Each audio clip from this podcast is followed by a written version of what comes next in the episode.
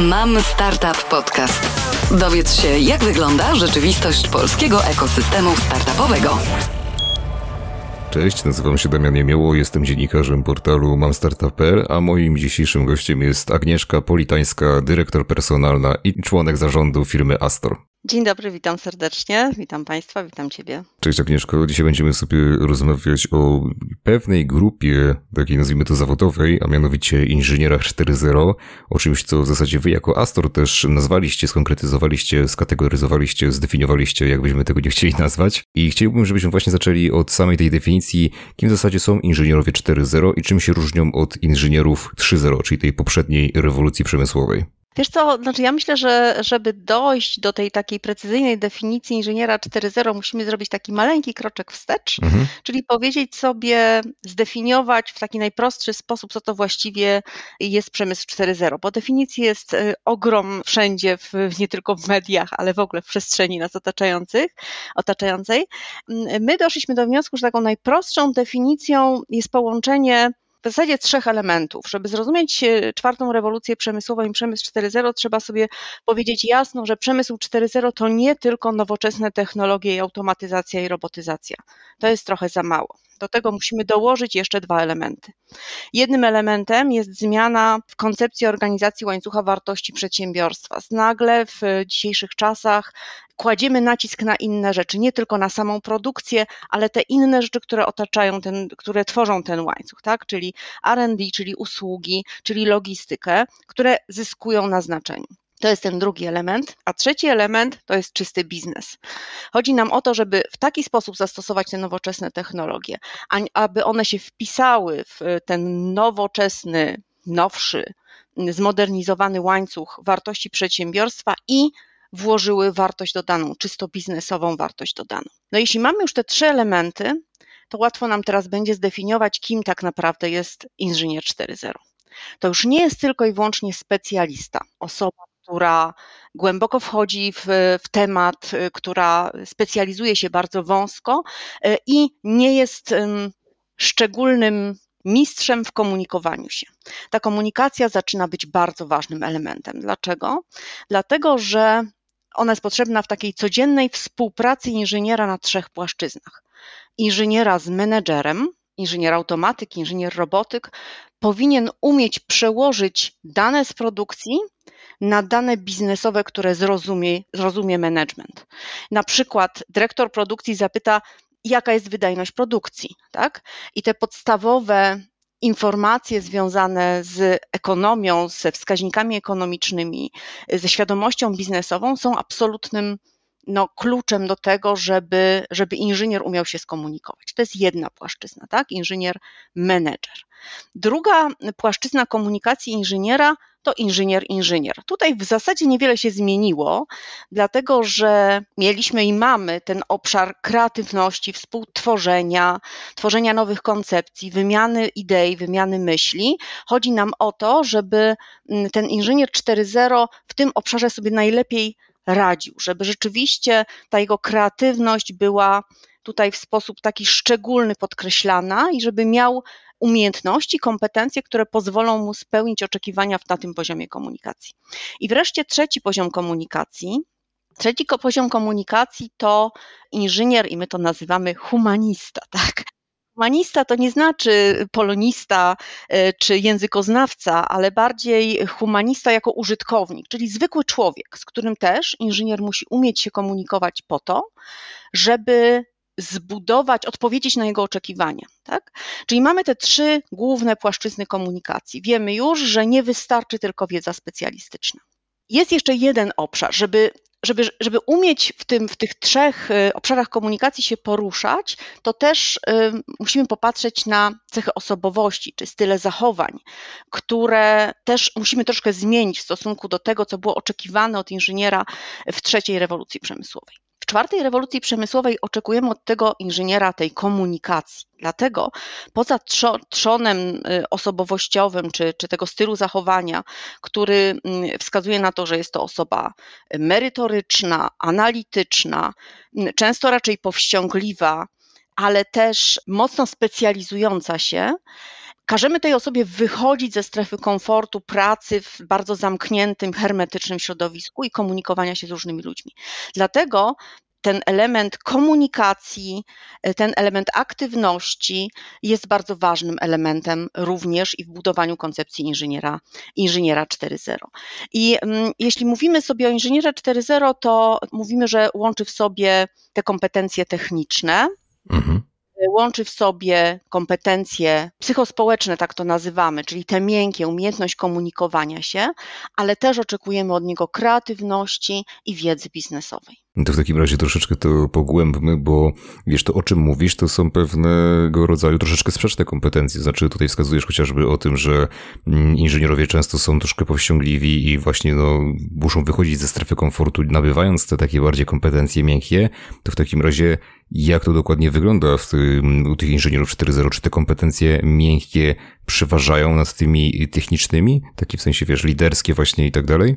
Wiesz, troszkę to zależy od tego, w jakim kierunku inżynier się rozwija w tym procesie edukacyjnym y, u nas w Polsce zwłaszcza y, inżynierów mamy bardzo wielu, tak, w wielu dziedzinach.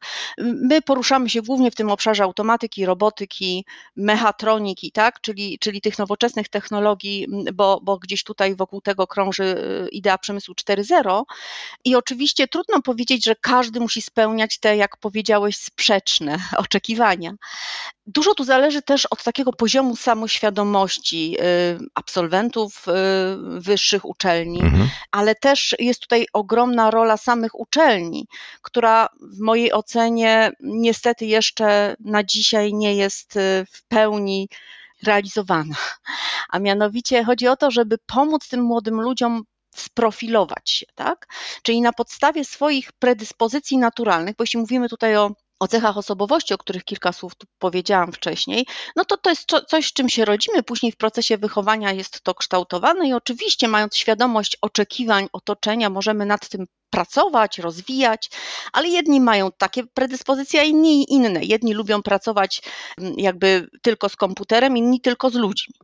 I bardzo ważnym elementem jest y, umiejętność dopasowania swojej roli w tym, w tym otoczeniu przemysłowym, biznesowym taki sposób, żeby nasze naturalne talenty znalazły odzwierciedlenie w codzienności naszej pracy, bo tylko wtedy ta praca da, nam rzeczywiście satysfakcję i y, nam, jako ludziom, ale też firmie, jako przedsiębiorstwu, jako biznesowi, tak? Więc, więc to profilowanie tutaj powinno, powinno znaleźć odzwierciedlenie. Natomiast jeśli mówimy o koncepcji inżyniera 4.0, to mówimy o osobie no, takiej wyjątkowej. Jakby nie każda osoba, nie każdy absolwent wyższej uczelni stanie się inżynierem 4.0. Natomiast wiedząc, jakie są oczekiwania stawiane w stosunku do takiej osoby, może na podstawie samoświadomości, autodiagnozy, budowania koncepcji swojego rozwoju mieć na to wpływ.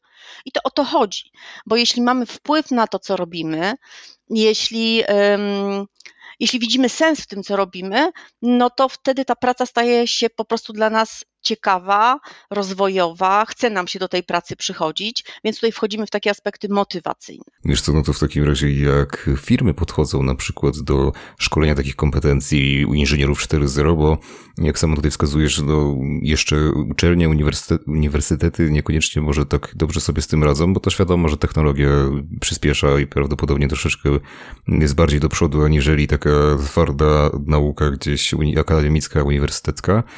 Natomiast jeśli kiedyś spotkałem z czymś takim jak y, learn, relearn, i unlearn, prawda? Czyli mm, naucz się, naucz się tak. ponownie i oducz się. Oducz się złych nawyków. Dokładnie, tak bo, no bo właśnie jak o tym tutaj sobie rozmawiamy, to tych kompetencji mamy dosyć sporo i w zasadzie, w zasadzie one rosną, zarówno te techniczne, jak i miękkie.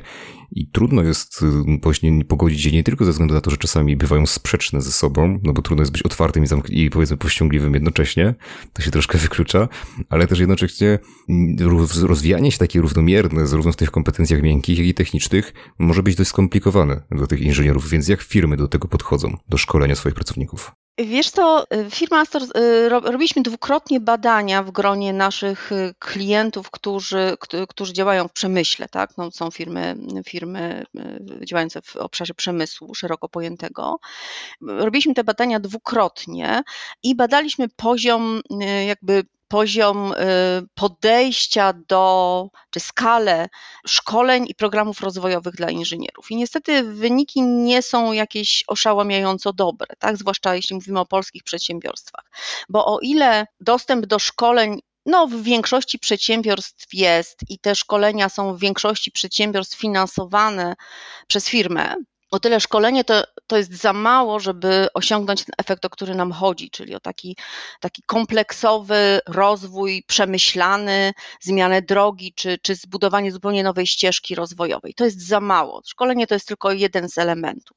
Natomiast jeśli mówimy o takich poważnych y, programach rozwojowych, no to z naszych badań wynika, że tylko 30% polskich przedsiębiorstw takie programy ma przynajmniej koncepcję takich programów albo programy. Na czym one polegają? One polegają na tym, żeby nie tylko rozwinąć, jakby wysłać, wysłać y, pracownika na szkolenie, ale przede wszystkim mieć koncepcję na jego rozwój i budowanie takich ścieżek rozwojowych, nie tylko na papierze, nie tylko zgodnie z polityką personalną, tak, bo czasem to się odbywa niestety tylko na papierze, ale rzeczywiście taką koncepcją, która wypływa z potrzeb przedsiębiorstwa. Więc my mówimy, że, że tego typu programy rozwojowe powinny być poprzedzone najpierw diagnozą samego przedsiębiorstwa, w jakim miejscu jesteśmy w, tym, w tej chwili, gdzie chcemy dojść w jakimś tam momencie i dopiero dopasować ten program rozwojowy do rzeczywistych potrzeb tego konkretnego przedsiębiorstwa. Więc to są programy dość kosztowne, ale nie tylko y, te koszty mierzymy w takich czystych pieniądzach wydanych na szkolenia, ale przede wszystkim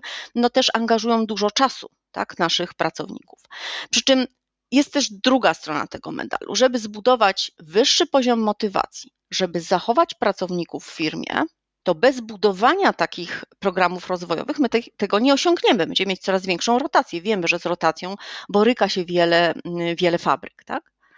Więc jest tutaj obopólna korzyść, ale są to programy, które wymagają rzeczywiście znacznie poważniejszej analizy, głębszego przemyślenia i dużego zaangażowania tej kadry najwyższej, zarządów, wyższej kadry zarządzającej, a nie zawsze na to jest przyzwolenie i to też nam pokazują nasze badania. Pokazują mianowicie, że główną barierą y, rozwoju inżyniera jest, jak myślisz, kto albo co? Znaczy, no cóż, no podejrzewam, że właśnie ta kadra zarządzająca. No właśnie, menedżer, mm. właśnie. Najczęściej menedżer, bo menedżer mówi, ale po co ja go będę wysyłał na to szkolenie, jak on mi zaraz odejdzie, albo nie daj Boże, nauczy się więcej i mnie, zajmie moje miejsce, tak? I tutaj my musimy pracować jako, jako kadry zarządzające przedsiębiorstw na tym, żeby taką świadomość y, potrzeby rozwoju tych inżynierów zbudować z jednej strony, a z drugiej strony przygotować kadrę menedżerską na tego typu zmiany. I y, można mieć najwspanialszy i najfantastyczniejszy program rozwojowy, jeżeli ta, tej bariery nie zlikwidujemy, to on nie zadziała. Czyli to nawet nie jest kwestia stricte chociażby budżetów, o czym często też zdarzało mi się słyszeć od firm przemysłowych, że my po prostu nie mamy pieniędzy na szkolenia, bo no nie wiem, działamy na niskich marżach czy cokolwiek takiego, tylko takiej skostniałości organizacji? Wiesz co, barier takich czysto ludzkich najczęściej tak. I najczęstszy mm, jakiś taki błąd y, chyba w planowaniu tego typu programów rozwojowych to jest brak zaangażowania wyższej kadry zarządzającej w budowanie koncepcji i w otwieranie tych dróg. To jest, to jest główna przeszkoda, bo jeśli mówimy o barierach finansowych, no to w sytuacji, w której przedsiębiorstwo jest gotowe na wdrożenie rozwiązań przemysłu 4.0, no to ono nie będzie miało niskich marsz, bo będzie właśnie inwestowało w te inne elementy łańcucha wartości przedsiębiorstwa po to, żeby mieć więcej, większe marże właśnie, tak? Czyli tutaj jakby pieniądze będą w tym przedsiębiorstwie, tylko jest pytanie, na co je wydać. I oczywiście, jeśli zapytasz HR, to zawsze odpowie, że na ludzi, ale tak naprawdę to bez tych ludzi no, nie zadziała ta najwspanialsza linia produkcyjna. Więc y, wiesz, jeśli, jeśli zapytamy, no dobrze, no ale mm, zainstaluję sobie, znaczy zamówię sobie, kupię sobie wspaniałą linię produkcyjną, już ludzie nie są mi potrzebni. Nie, to jest mit. Nigdy nas nie zastąpią maszyny. Ale czy to też nie jest troszeczkę tak, że właśnie ta automatyzacja, robotyzacja i też coraz częściej sztuczna inteligencja sprawiają, że może nas nie zastąpią w pełni, ale no, zmniejsza się to zapotrzebowanie na te, nazwijmy to, zasoby ludzkie. Po prostu trzeba troszeczkę mniej już ludz siły ludzkich mięśni, czy nawet tężyzny intelektualnej ludzkiej do wyprodukowania jakiegoś konkretnego przemysłowego, wiesz, fabrykatu, prefabrykatu, czegokolwiek. Tak, mięśni y, i siły y, mięśni ludzkich może potrzeba mniej, ale też trzeba sobie powiedzieć, że rodzi nas się coraz mniej. Coraz mniej osób jest chętnych do tego, żeby wykonywać te najprostsze, najbardziej szkodliwe czynności. Tak? E, kiedy mówimy na przykład o podnoszeniu ciężkich e, elementów w produkcji, tak? Czyli, e, nie wiem, tutaj mówię o paletyzacji. Robot paletyzujący zastępuje człowieka, ale to nie znaczy, że zastępuje go w 100%, dlatego że dalej ten człowiek jest potrzebny jako operator tego robota, który to robi. Więc tu jest kwestia inwestowania w siebie, rozwoju i nie tylko na poziomie inżynierskim. My tutaj dzisiaj rozmawiamy o inżynierach, czyli o osobach z wyższym wykształceniem, a jeśli mówimy o, mm, o zastępowaniu no, na tym poziomie najniższym, no to, to tutaj jakby nie mówimy o inżynierach, tylko na przykład o operatorach, to też nie zabieramy im pracy. My ich zachęcamy do osobistego rozwoju i do tego, żeby przekwalifikowali się, żeby zdobywali nowe kompetencje. I tutaj jakichś ogromnych, wielkich, rozbudowanych programów rozwojowych nie ma konieczności wdrażać. Tutaj wystarczy przekwalifikować tego człowieka od y, stania przy, przy linii produkcyjnej do obsługi mm, panelu mhm. tak, operatorskiego. Więc, więc to nie są wielkie kroki, to jest tylko kwestia świadomości, świadomości i też unikania takiego wydaje mi się, że dość y, krzywdzącego, mm, krzywdzącej opinii mówiącej o tym, że roboty za, zabierają nam pracę. To nie jest prawda. Nas jest coraz mniej. My naprawdę musimy dbać o to, żeby żeby miał kto w ogóle pracować. My teraz borykają się y, przedsiębiorstwa, fabryki przede wszystkim, z właśnie z tymi podstawowymi pracownikami, tak? z robotnikami. Y, więc, więc tutaj jakby nie mamy wyjścia. Wiesz to tutaj może jeszcze tak doprecyzujmy ten aspekt dotyczący stricte inżynierów, bo mnie ciekawi, czy właśnie ta automatyzacja, tak jak wspominałem, jak ona też wpływa na pracę inżynierów, tak właśnie jeśli chodzi o zapotrzebowanie ich, no bo dobrze wiemy tutaj, że roboty może niekoniecznie nam zabierają tę pracę i tak dalej, nie zastępują nas, ale czy faktycznie ty zauważysz jakieś takie wahania, chociażby jeśli chodzi o zapotrzebowanie na inżynierów związane z automatyzacją, czy, on, czy to powoduje to wszystko, ten rozwój technologii, że my potrzebujemy tych inżynierów coraz więcej, coraz mniej, czy to się w ogóle nie zmienia kompletnie? Wiesz co, potrzebujemy coraz więcej. Okay. To jest y, jedno proste, ta odpowiedź na Twoje pytanie. Natomiast y, musimy mieć tę świadomość, że żyjemy w takim w tym momencie środowisku i w, te, w takim środowisku mocno zmieniającym się. Nie tylko w, w, tym zewnętrznym otoczeniu, gdzie, gdzie niepokojów najróżniejszej maści mamy całe mnóstwo, ale też w samym tym obszarze technologicznym. Ten krąg technologii przemysłu 4.0, on od momentu, kiedy my zaczęliśmy zaczęliśmy w, tam w 2014 czy 2015 roku w ogóle badać y, polski rynek w kontekście przemysłu 4.0 do teraz, ten krąg, krąg technologiczny ciągle się rozszerza, tak? czyli tych nowoczesnych technologii po, pojawia się coraz więcej. W związku z tym zapotrzebowanie na inżyniera, który będzie posiadał wiedzę, doświadczenie, umiejętności w zakresie tej wąskiej specjalizacji mamy coraz więcej. Więc wiesz, trochę tak jak, wydaje mi się, że trochę tak jak w medycynie, to jest taka chyba dobre porównanie. Idziemy w wąską specjalizację z jednej strony, z drugiej strony oczekujemy od inżyniera, tak jak od lekarza, mocno holistycznego podejścia. Czyli ta, to holistyczne podejście lekarskie, którego pragnie każdy pacjent, to jest takie samo holistyczne podejście inżynierskie, którego pragnie każdy, nie wiem, zarządzający przedsiębiorstwem, tak? Chce, żeby ten inżynier miał świadomość, czemu służy ta wąska dziedzina, którą on się zajmuje. Czemu służy w kontekście całego przedsiębiorstwa, strategii, tak? czyli te, budowanie tego takiego dużego obrazu. I z drugiej strony mm, musimy mieć świadomość tego, że poczucie sensu i celu z perspektywy już samego inżyniera czemu służy moja praca, na co się przekłada konkretnie, powoduje, że to też jest element, który zatrzymuje go w tej firmie, bo on się bardziej utożsamia, on się czuje elementem większego obrazu.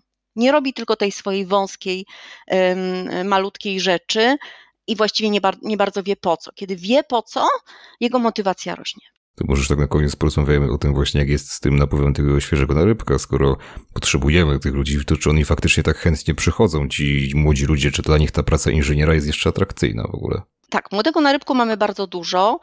Ja mm, mam to szczęście, że, że uczestniczę w procesach rekrutacyjnych od bardzo, bardzo wielu lat i taką właściwość, czy ta, ta, taki trend, który zaobserwowałam, mm, który może, nie wiem, czy cieszyć, czy martwić, to już zostawiam słuchaczom, to jest y, takie rozproszenie rozproszenie w kontekście merytorycznym absolwentów.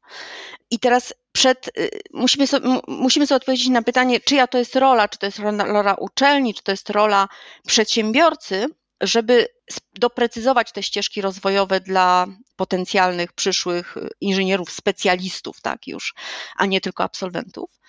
Jest ich ogromnie dużo, bo, bo jakby absolwentów mamy coraz więcej wyższych uczelni, natomiast zapotrzebowanie jest bardzo duże i tutaj tym elementem, do którego wrócę i który, którego jeszcze po raz kolejny powtórzę, to umiejętność profilowania, tak? czyli wybrania tej ścieżki, kim ja chcę być w momencie, kiedy ja już skończę te studia, jestem już inżynierem, powiedzmy automatykiem, czy ja chcę być konsultantem, czyli sprzedawać rozwiązania, czy ja chcę być wdrożeniowcem, pracować w firmie integratorskiej?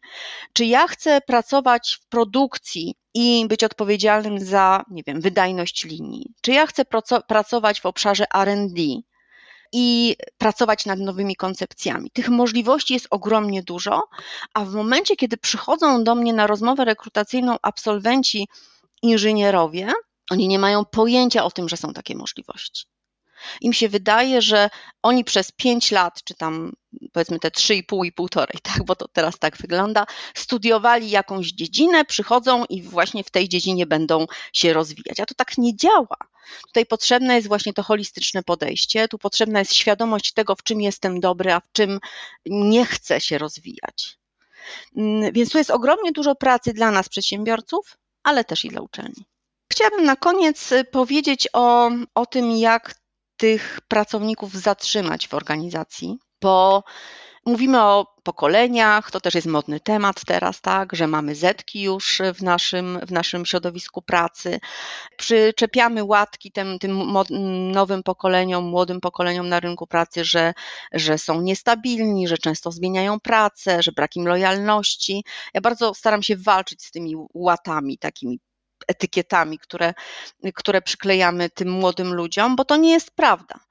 To są osoby, które są przede wszystkim nastawione na rozwój, które umieją się organizować, umieją naprawdę efektywnie pracować, tylko muszą widzieć sens w tym, co robią. I muszą widzieć perspektywę swojego rozwoju.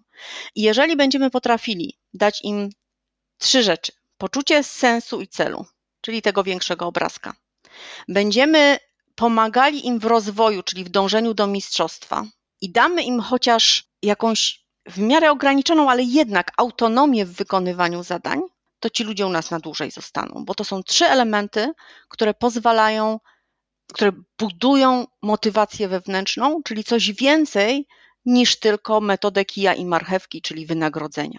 No to ja Ci bardzo dziękuję, Agnieszko, za tę rozmowę i za podzielenie się tym właśnie, jak działają inżynierowie 4.0 i za taką wskazówką, taką wskazówką też, jak utrzymać właśnie te zetki, które napływają i też już coraz więcej zetek, to przecież inżynierowie.